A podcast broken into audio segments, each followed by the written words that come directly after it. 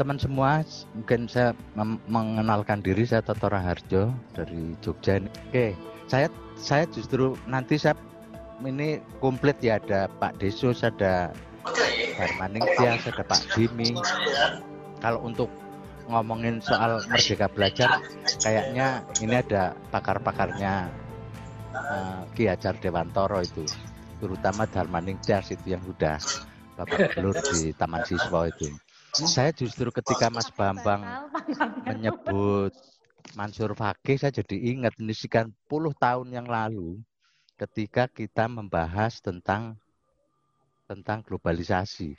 Ketika Indonesia sudah menandatangani LOE, LOE, Letter of Intent. Artinya bahwa Indonesia sudah menyetujui globalisasi juga beroperasi di Indonesia.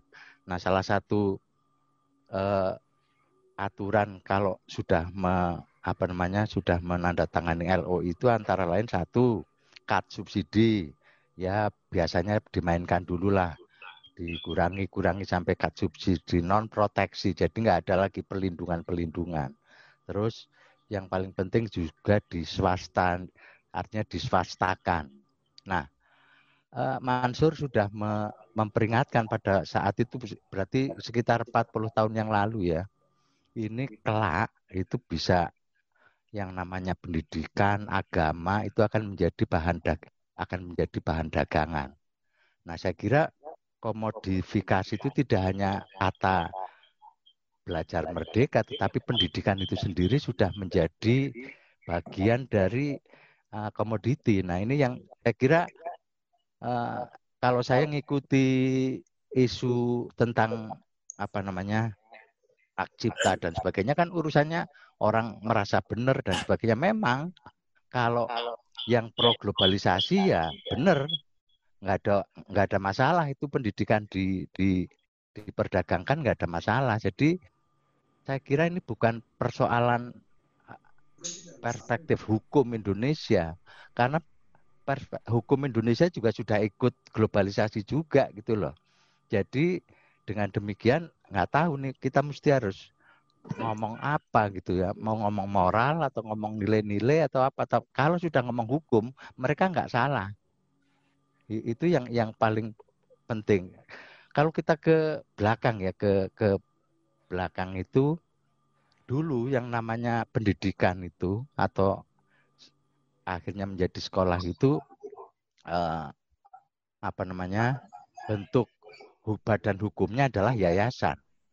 Artinya yayasan itu salah satunya adalah ini bukan bukan saya ngomong yayasan itu lebih baik dari perusahaan atau apa bukan, tetapi kenapa saat itu seluruh uh, badan hukum yang menaungi pendidikan itu yayasan? Karena itu menyangkut soal gagasan, menyangkut soal visi bukan menyangkut soal perdagangan. Kira-kira begitu yang membedakan. Nah, sekarang udah nggak ada bedanya.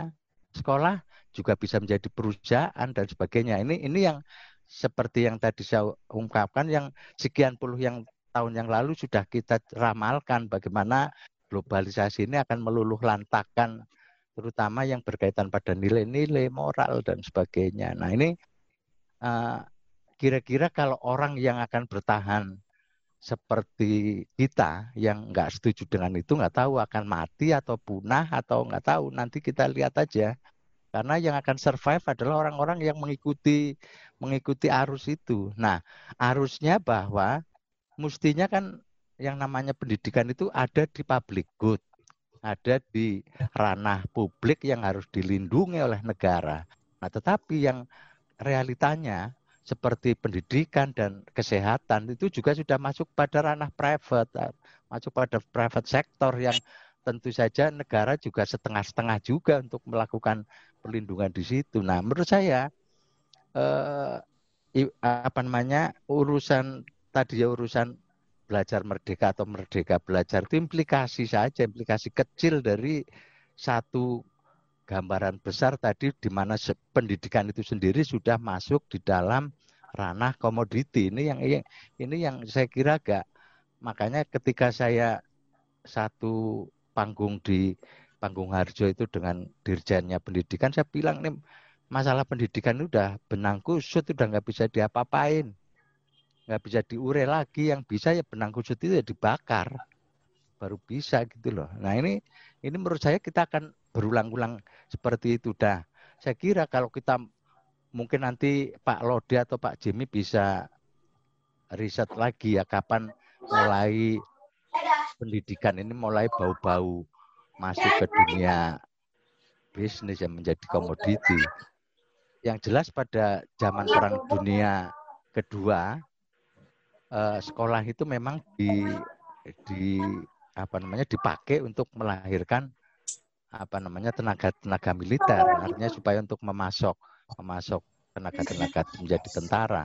Nah setelah revolusi industri itu kan mulai mulai sekolah ini dunia sekolah ini mulai dipakai untuk me, apa namanya melahirkan buruh yang setara dengan mesin lah kira-kira begitu. Nah, kan itu kan berkembang sampai sekarang. Jadi dari rezim ke rezim itu ya ya syukurnya zaman Orde Lama itu kan belum begitu mikir benar gitu ya. Nah, mulai Orde Baru saya kira mulailah itu nancep betul bahwa sekolah itu isinya adalah kalau mau dilacak itu kalau kita walaupun saya sebenarnya sudah sudah meninggalkan mata pelajaran, tetapi mata pelajaran itu isinya adalah perspektif ekonomi sebetulnya dan politik.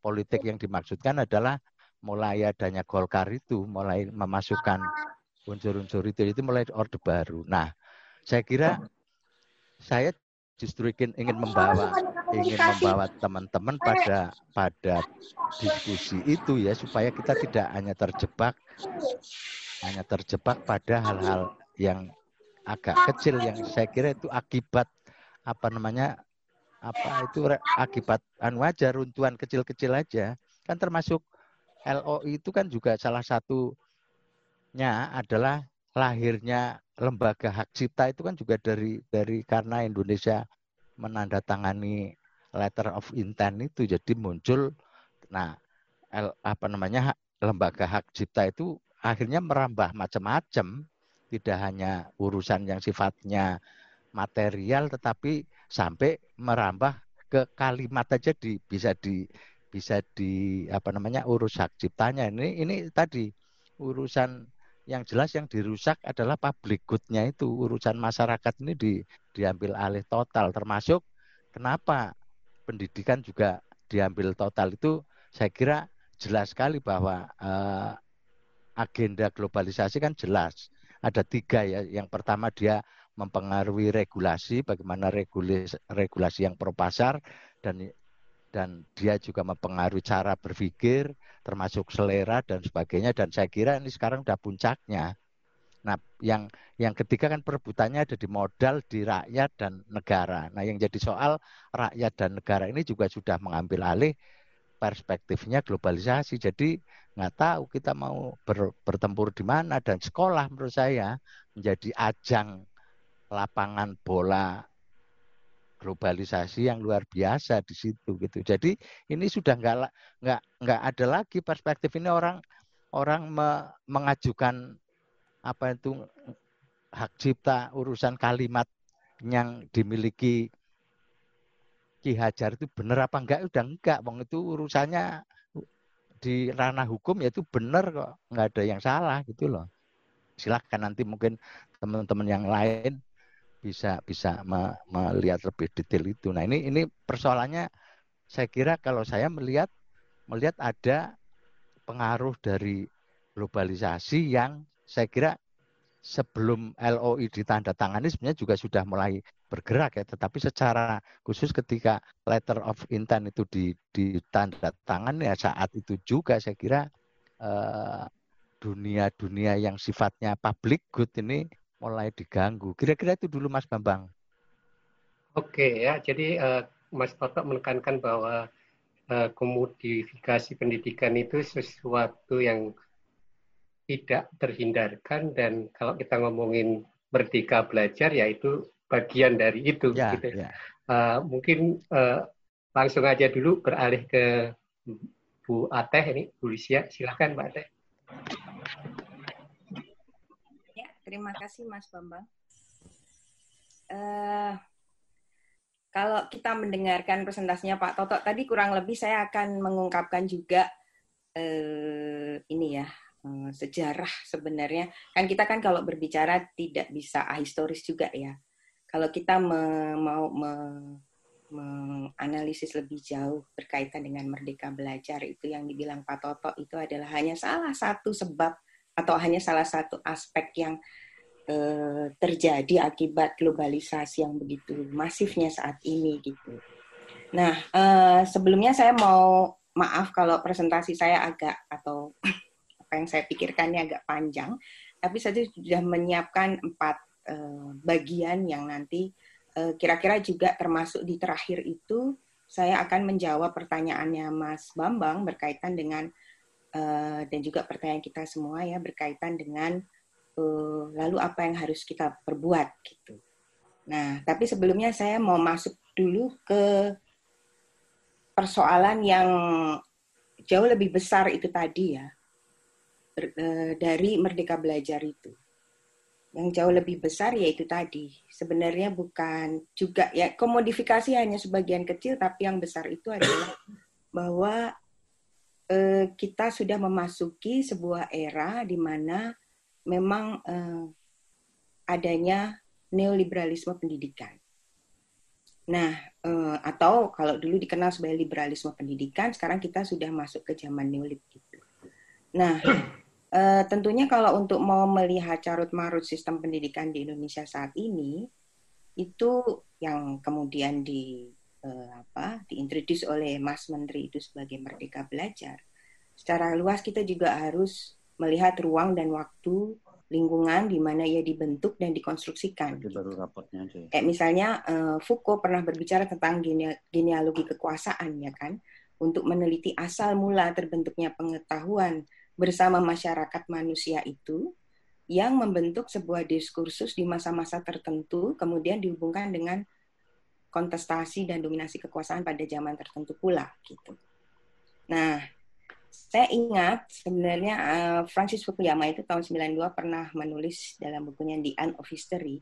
Dia sebenarnya mau menjelaskan tentang uh, matinya sosialisme dan kemenangan absolut dari kapitalisme dalam lingkup yang global. Dan Indonesia ini kan bagian dari yang global itu kan. Jadi sehingga praktis Indonesia juga terdampak dari situasi yang global ini. Uh, lalu saya juga ingat pada perkataan uh, profesor saya di Prancis, Michel Viviurka, uh, dalam bukunya dia menjelaskan ketika dia me, apa itu? Menelit apa mau mengulas tentang bagaimana kalau kita sekarang ini memikirkan tentang yang global itu satu satu kalimat sebenarnya yang bisa dijelaskan dari semua yang berjalan di di di dunia ini saat ini adalah yang dinamakan dinamakan kayak itu e ekonomi Pak Jimmy. Jadi semua itu urusan di dunia ini adalah urusan ekonomi. Masyarakat dunia secara global telah dikuasai oleh kekuatan ekonomi, semua urusan menjadi urusan ekonomi, begitu juga urusan pendidikan.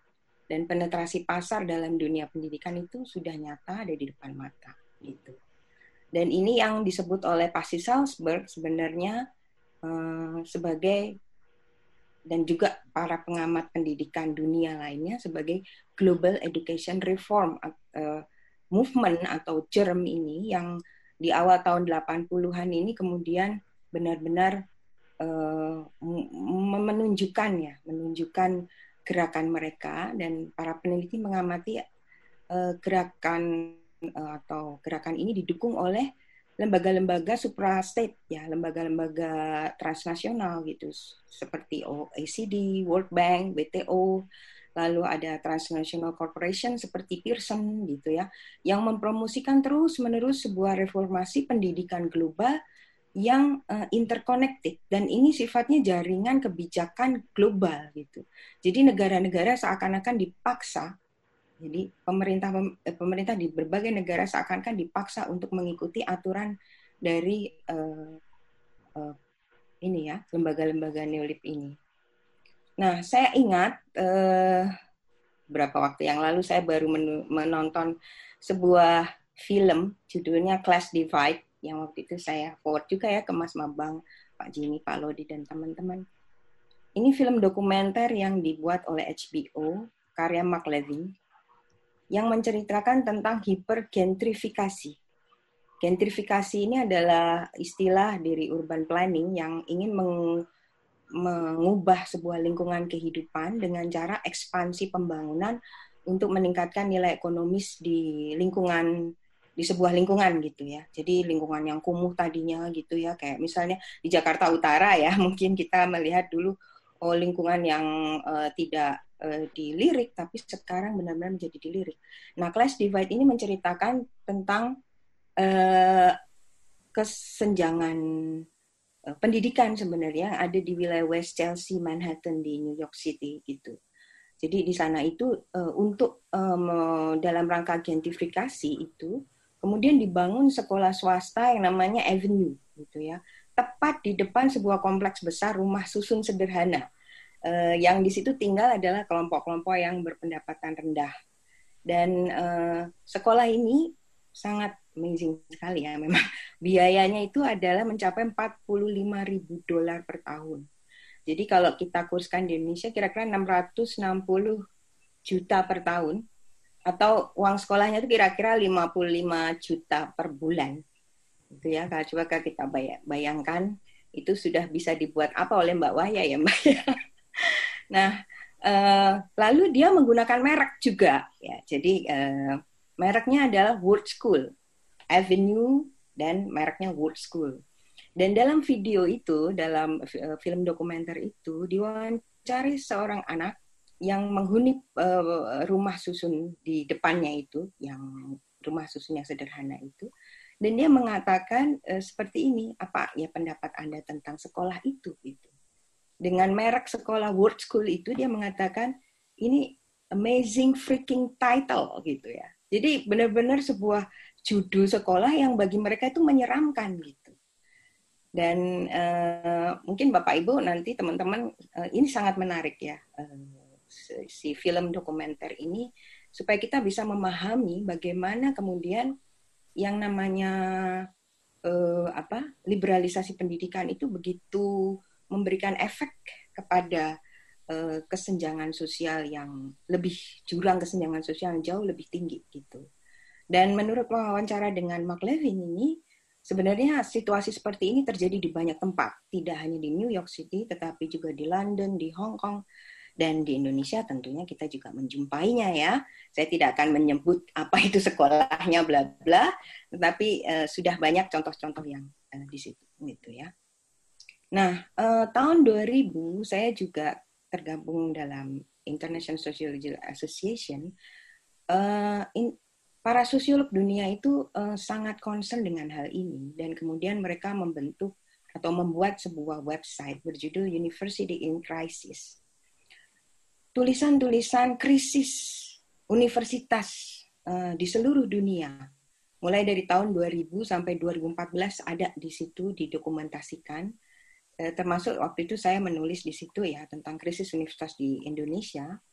Dan uh, di situ mencerminkan bagaimana memang krisis yang berkaitan dengan liberalisasi pendidikan itu terjadi gitu.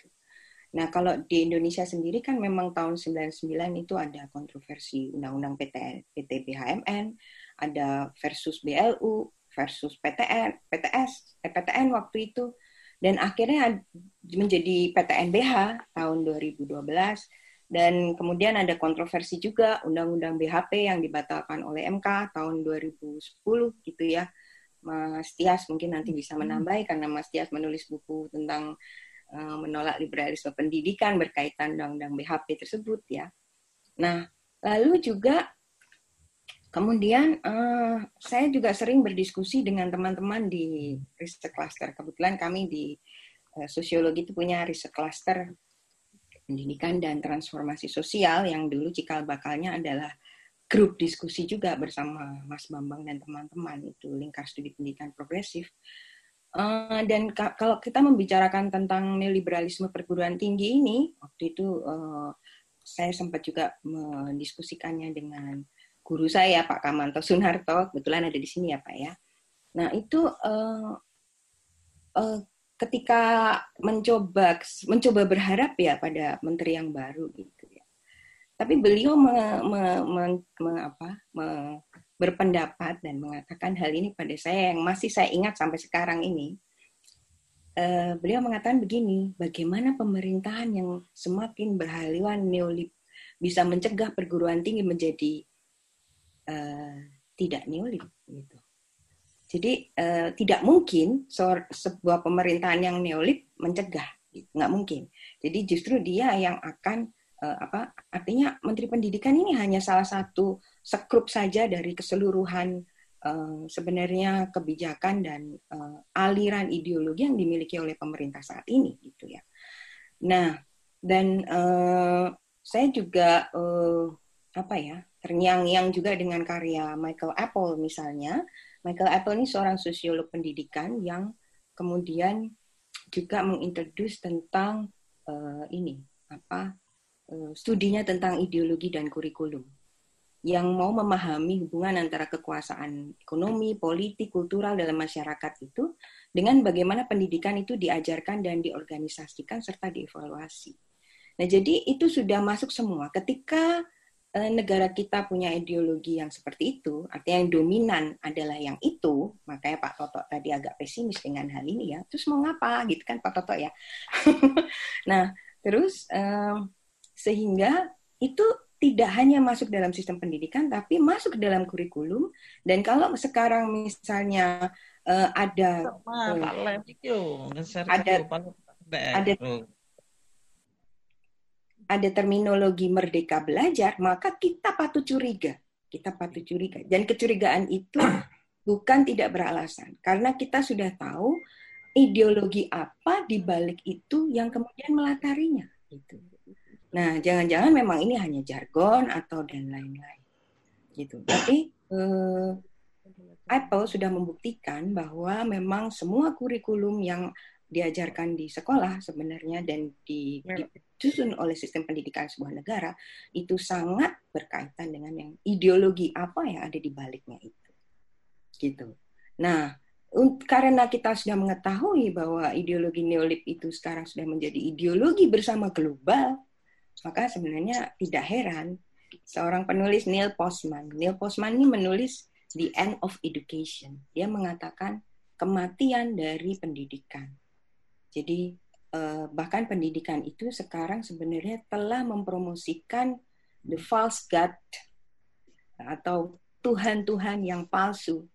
Jadi menuhankan, menuhankan ekonomi, menuhankan konsumerisme, menuhankan teknologi, menuhankan misalnya uh, ethnic separatism, lalu ada juga menuhankan termasuk mengkodumi, mengkodimodifikasi pendidikan itu sendiri gitu ya. Oke, saya masuk ke bagian kedua yaitu apa itu pendidikan yang memerdekakan dan membebaskan. Tentunya ini Mas Bambang, Pak Jimmy dan teman-teman sudah sangat uh, familiar dengan ini, bisa membantu saya, Mas Tias juga, para praktisi pendidikan, bahwa ya Pak Toto dan lain-lain. Tapi saya ingin mengulang kembali di forum ini supaya paling tidak kita bisa menemukan uh, kembali menemukan kembali pengertian kita terhadap apa itu ke kependidikan yang memerdekakan atau yang membebaskan uh, dari tokoh tokoh-tokoh ini kita telusuri kembali gitu sehingga kita nanti akhirnya bisa mengerti apakah merdeka belajar itu hanya sebatas jargon atau memang menyentuh ini semua gitu ya filosofi dasar dari pendidikan itu Uh, Freire, walaupun uh, dia itu bukunya banyak sekali uh, dan uh, ini ya buku-buku utamanya sudah terbit sejak lama, tapi tahun 84 pernah menerbitkan sebuah buku berjudul Politics of Education, Culture, Power, and Liberation. Nah, saya anggap Freire ini bukan sebatas pedagog, tapi dia itu juga sosiolog karena dia telah melihat uh, pendidikan. Itu mengapa di sosiologi pendidikan saya mengajar dengan Mbak Indra Ratna Irawati di UI kami memasukkan Paulo Freire dalam uh, konteks sosiologi pendidikan. Karena dia telah melihat bagaimana konstelasi politik kebudayaan kemudian kekuasaan dan uh, pembebasan itu uh, menjadi satu, menjadi satu ikatan gitu yang saling ber, ber, ber apa saling berkaitan gitu. Nah, pendidikan yang membebaskan atau yang memerdekakan dari uh, itu yang dituju adalah lepas dari penindasan, ya kan? Dan sistem pendidikan itu harus menjadi kekuatan penyadar atau pembebas dari umat manusia. Dan ini sebenarnya ide yang sangat radikal dalam pendidikan yang untuk menentang penindasan. Jadi ini sebenarnya sangat bertentangan dengan uh, dengan tujuan dari neoliberalisme yang yang ingin mengatur semuanya gitu. Pendidikan kritis ini bila benar dilakukan, maka sebenarnya dia akan mencetak manusia-manusia yang sebenarnya sangat kritis juga pada neoliberalisme gitu. Nah, apa mau gitu ya uh, tujuan-tujuan para neolib ini kemudian hancur karena kemudian mereka nggak ngerti tentang yang namanya uh, apa pendidikan untuk pemerdekaan ini, tapi menggunakan jargon-jargon itu setiap hari gitu. Kalau Pak Menteri kita kan tidak uh, tidak sungkan uh, dan terus menerus mengulang gitu bahwa kita tekankan pendidikan kritis, kita tekankan pendidikan Pak Menteri tahu nggak pendidikan kritis apa gitu kan? Nah itu paling tidak saya mau mereview kembali Freire Lalu Turan, saya bergu, ber, belajar dengan uh, sosiolog Prancis, uh, guru saya Alan Turan, yang menulis uh, berjudul Nous sujet humain. Kita ini adalah subjek yang manus, manusia subjek. Jadi yang ia dikatakan sebagai subjek adalah individu yang otonom, yaitu individu yang memiliki kapasitas untuk merefleksikan dan menemukan diri sendiri dan juga komunitasnya dan juga dunia dan uh, ini merupakan sebuah capaian, capaian seseorang individu untuk mendapatkan sebuah kesadaran akan otonom, otonomitas dirinya dan dapat mengambil keputusan-keputusan yang bertanggung jawab untuk dirinya, untuk komunitas dan untuk dunia. Dan subjek ini menjadi ujung tombak utama dari gerakan-gerakan sosial sebenarnya karena Turan kan banyak uh, belajar tentang gerakan sosial gitu. Dan gerakan sosial inilah yang mau memampukan manusia untuk mengukir uh, sendiri historisitasnya menuju pada masyarakat yang berkeadaban. Nah, untuk menyambungkan turan yang sosiolog ini, saya me, me, mencoba mengquote juga uh, Philip Meriel. Philip Meriel ini uh, uh, pedagog Perancis yang sangat disenang digemari oleh Pak Jimmy. Bukunya Pedagogi Le Devoir uh, à Résister. Pedagogi adalah keharusan untuk berjuang. Nah, pedagogi untuk subjek itu pembelajaran yang bertujuan untuk menghantarkan individu menjadi subjek. Jadi tujuan pendidikan itu sebenarnya untuk menghantarkan individu menjadi subjek gitu sekolah itu merupakan tempat atau ruang di mana murid akan memperoleh kesempatan untuk menjadi subjek itu. Uh, subjeknya kalau kurang dengan S besar, artinya bahwa sebenarnya tidak semua individu uh, punya kesempatan untuk menjadi subjek. Nah, pendidikan itulah yang akan mengantarkan individu untuk menjadi subjek. Jadi pendidikan yang hmm? memerdekakan itu bukan berarti pendidikan yang sebebas-bebasnya yang karena pendidikan itu punya tujuan yaitu menjadikan uh, individu menjadi subjek. Dan pengetahuan bisa didapat dari mana saja. Tetapi tugas guru adalah menyediakan ruang refleksi dan kesempatan bagi individu itu untuk menjadi subjek. Oleh karena itu kita uh, saya rasa kita patut berhati-hati ya dengan uh, apa uh, sekarang ini kan sering didengungkan semua guru, semua murid. Banyak yang ngomong seperti itu. Dalam konteks pengetahuan, oke. Okay. Tetapi dalam konteks pembelajaran, tidak demikian. Dalam konteks pengetahuan, karena di dalam zaman yang information society ini, pengetahuan bisa di, didapat oleh siapa saja, gitu kan? Lalu kemudian uh, dan tidak pernah akan habis karena pengetahuan diproduksi terus di dalam sebuah information society dan uh, kemudian siapa saja dapat mengakses dengan bebas gitu. Jadi guru bukan sumber-sumber satu satunya sumber pengetahuan. Tetapi di dalam pendidikan peran guru dan murid itu berbeda gitu.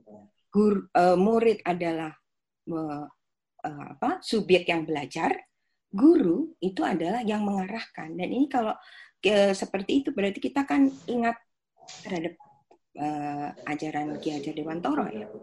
Pak Tilaar itu pernah ini gurunya Pak Jimmy. Pak Tilaar pernah uh, menulis freedom as pillar of national education in Indonesian cases itu tahun 97 ya Pak Jimmy ya dan menjelaskan tentang ajaran Ki Hajar Dewantara, tentang prinsip-prinsip kebebasan, uh, juga tentang pendidikan yang membebaskan dari Muhammad Syafi'i. Bang suka dengan Muhammad Syafi'i. Dan uh, di situ dijelaskan bahwa guru itu adalah pamong yang mengarahkan murid untuk menjadi subjek gitu. Jadi uh, semua guru semua murid dalam konteks pengetahuan oke, okay, tetapi sekali lagi setiap guru dan murid memiliki peran berbeda. Dan guru itu bertugas untuk mengarahkan murid untuk mencapai pada penemuan subjek tadi. Gitu. Dan dalam pendidikan itu kita belajar metode. Sebenarnya kita belajar metode berpikir. Kita bukan belajar pengetahuannya, tapi belajar metode berpikirnya. Belajar berpikir kritis, belajar berpikir reflektif, belajar berempati dan berkompati dan sebagainya ya sehingga akhirnya dia mencapai kepenuhan dirinya, menemukan dirinya menjadi subjek. Mbak Waya pasti sangat mengerti hal ini ya Mbak Waya. Karena setiap hari kan ber, ber, ber, berjibaku dengan hal ini. Nah, kemudian sampai pada bagian ketiga, apakah merdeka belajar itu memenuhi tujuan pendidikan yang memerdekakan atau hanya jargon saja ya? Nah, kalau kami lihat di uh, riset kluster pendidikan transformasi sosial, kalau kami uh, mencoba mengkritisi peta jalan pendidikan 2020-2035 dari Kemendikbud, kita bisa meneliti lebih lanjut. Sebenarnya kita itu menjumpai banyak sekali term dan konsep dan bahasa, kalau menurut Bahas Bambang, bahasa ya, itu bahasa ekonomi dan bahasa pasar. Seperti misalnya ada term marketplace. Term marketplace itu ada loh di peta jalan pendidikan kita. Ada uh, term berbasis proyek, ada term e-transaksi, e-wallet, ada term on the job coaching, ada term CSR, ada term one size fit all. Terus ada juga term perusahaan teknologi edukasi. Nah, jadi memang sudah sangat jelas bahwa um, peta jalan pendidikan ini mencerminkan bukan bahasa pendidikan, tetapi jadi ekonomi telah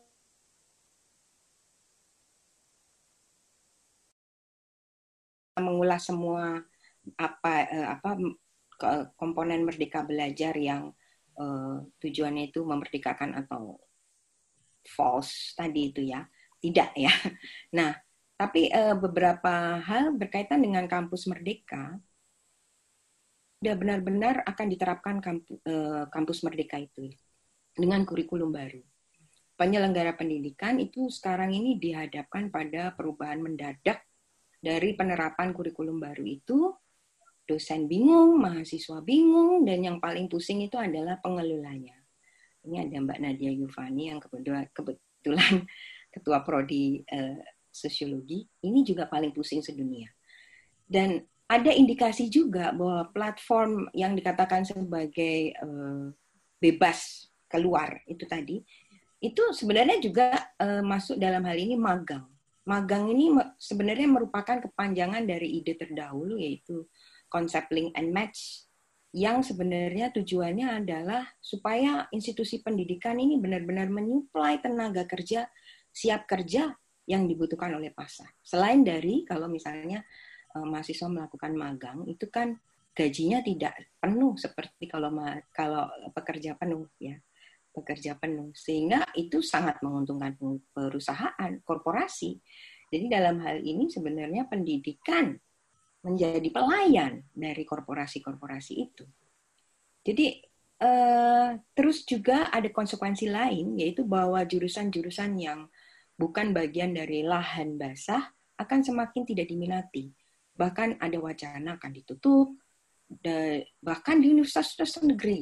Dan itu sudah dimulai dengan uh, penutupan beberapa mata kuliah-mata kuliah penting gitu ya, yang uh, yang seharusnya uh, di apa diadakan tetapi kemudian dianggap tidak penting gitu yaitu grup-grupnya misalnya seperti filsafat antropologi sosiologi uh, apa yang ilmu-ilmu yang tidak basah lah yang dianggap tidak penting gitu Nah, jadi kalau begini, mungkin kecurigaan Mas Bambang dan teman-teman di sekolah tanpa batas itu dapat dikatakan sangat bisa dimengerti ya.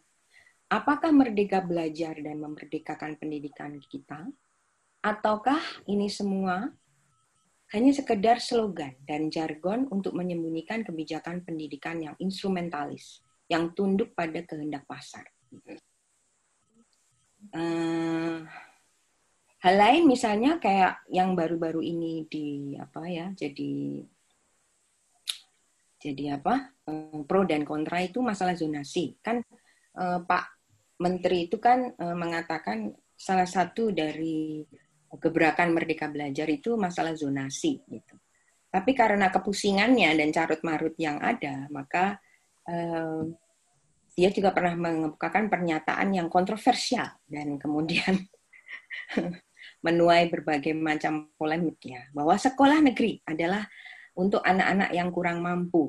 Lalu di satu sisi eh, beliau juga seperti yang diceritakan Mas Bambang tadi sebenarnya tanda kutip mendukung sekolah-sekolah swasta yang mahal ya. Jadi dalam hal ini berarti dia turut berkontribusi dalam semakin menciptakan kesenjangan di dalam pendidikan. Dan dengan memisah-misahkan antara anak-anak yang mampu dan anak-anak yang kurang mampu itu itu apa yang terjadi dengan merdeka belajar. Oke. Dan ini yang bagian terakhir. Bagaimana kemudian pertanyaan Mas Bambang, bagaimana guru dan komunitas pendidikan harus menyikapi hal ini? Uh, ada bukunya Apple yang bagus itu sosiolog pendidikannya. Can education change society? Apakah pendidikan dapat mengubah masyarakat?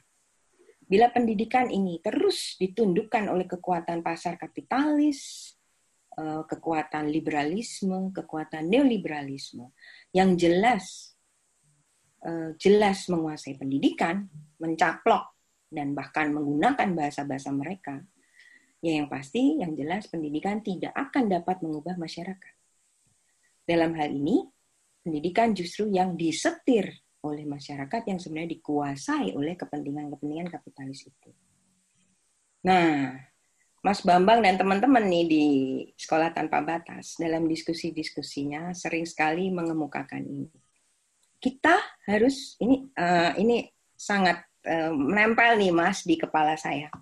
Kita harus merebut bahasa pendidikan. Kita harus merebut lagi bahasa pendidikan karena tentunya dengan asumsi bahwa memang pendidikan saat ini telah dijajah oleh yang namanya kekuatan ekonomi itu gitu. Nah, apa yang secara konkret para guru dan komunitas biasa bisa lakukan dalam hal ini gitu. Usulan saya ya uh, mungkin sama juga yang sudah dibuat oleh teman-teman uh, di sekolah tanpa batas yang saya sangat uh, apa uh, dukung ya yaitu pertama tentunya teman-teman guru dan komunitas dapat mempelajari dengan lebih mendalam dan reflektif apa itu pendidikan yang memerdekakan. Karena kita itu selalu ke, ke apa kebiasaannya tidak pernah menggali konsep-konsep dasar gitu. Tapi uh, saya yakin senior-senior di sini terutama Mbak Waya, kemudian juga semua yang di sini praktisi pendidikan yang terutama juga sudah bergerak di situ pasti sudah mendalaminya dan merefleksikannya lebih jauh. Tetapi ini yang patut ditularkan kepada guru-guru kita, kepada orang tua kita, gitu. Dan itu bisa ber, berjalan juga dengan bantuan komunitas peer gitu, apa yang dilakukan oleh sekolah tanpa batas gitu ya, berdiskusi bersama bersama guru-guru. Itu. Walaupun Mas Bambang bilang iya ya diajak diskusi uh, untuk bisa sampai pada satu titik tertentu yang diharapkan. Lama sekali prosesnya memang betul gitu. Tapi ya mau nggak mau kita harus melewati itu dan memang itulah sebenarnya pendidikan yang sebenarnya itu ya itu gitu kan dan kemudian yang ketiga dan menularkan semua spirit itu kepada murid-murid kepada kepada uh, seluruh uh, ini ya, termasuk guru-guru yang yang juga supaya mereka tuh mampu membedakan antara pendidikan yang sesungguhnya dan pendidikan yang memerdekakan yang sesungguhnya dan yang hanya jargon. Karena selama ini kayaknya tuh eh, hebat ya jargon-jargon itu ya, tetapi kita tidak bisa membedakan itu. Gitu. Banyak, artinya banyak di teman-teman kita di sana tidak bisa membedakan itu. Dan yang keempat ya mau tidak mau eh, yang selalu Pak Jimmy katakan, walaupun Pak Jimmy beda kalau Pak Jimmy yang saya, Pak Jimmy mengatakannya dengan semangat, kalau saya mengatakannya dengan Wallace aja ya Pak Jimmy. Yang keempat adalah lawan.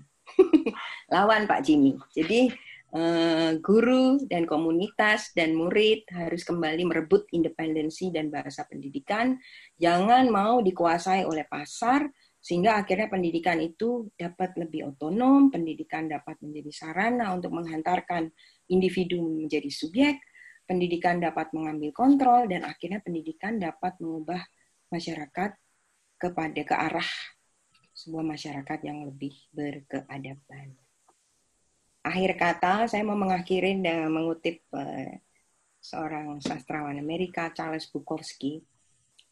Ini dia mengatakan begini, The problem with the world is the intelligent people are full of doubt, while the stupid one are full of confidence. Jadi eh, orang-orang yang intelijen, yang pintar itu sebenarnya selalu meragukan banyak hal. Di satu sisi orang-orang mereka yang uh, mau bilang bodoh atau stupid ya, tapi kurang kurang pintar itu. Kurang pintar, kurang pintar. Itu banget. Uh, sangat percaya diri, sangat percaya diri untuk uh, melakukan tindakan apa pun. Gitu. Jadi itu bego. yang anunya bego uh, itu yang tepat. ya. Oke. Oke, Mbak. Terima kasih, Mas Bambang. Ya.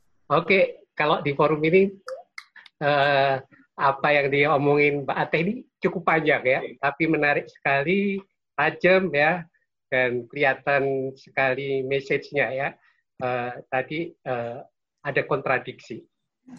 Uh, maunya merdeka belajar, tetapi bangunannya adalah neoliberal, uh, privatisasi, privat kepentingan privat pasar industri. Nah ini uh,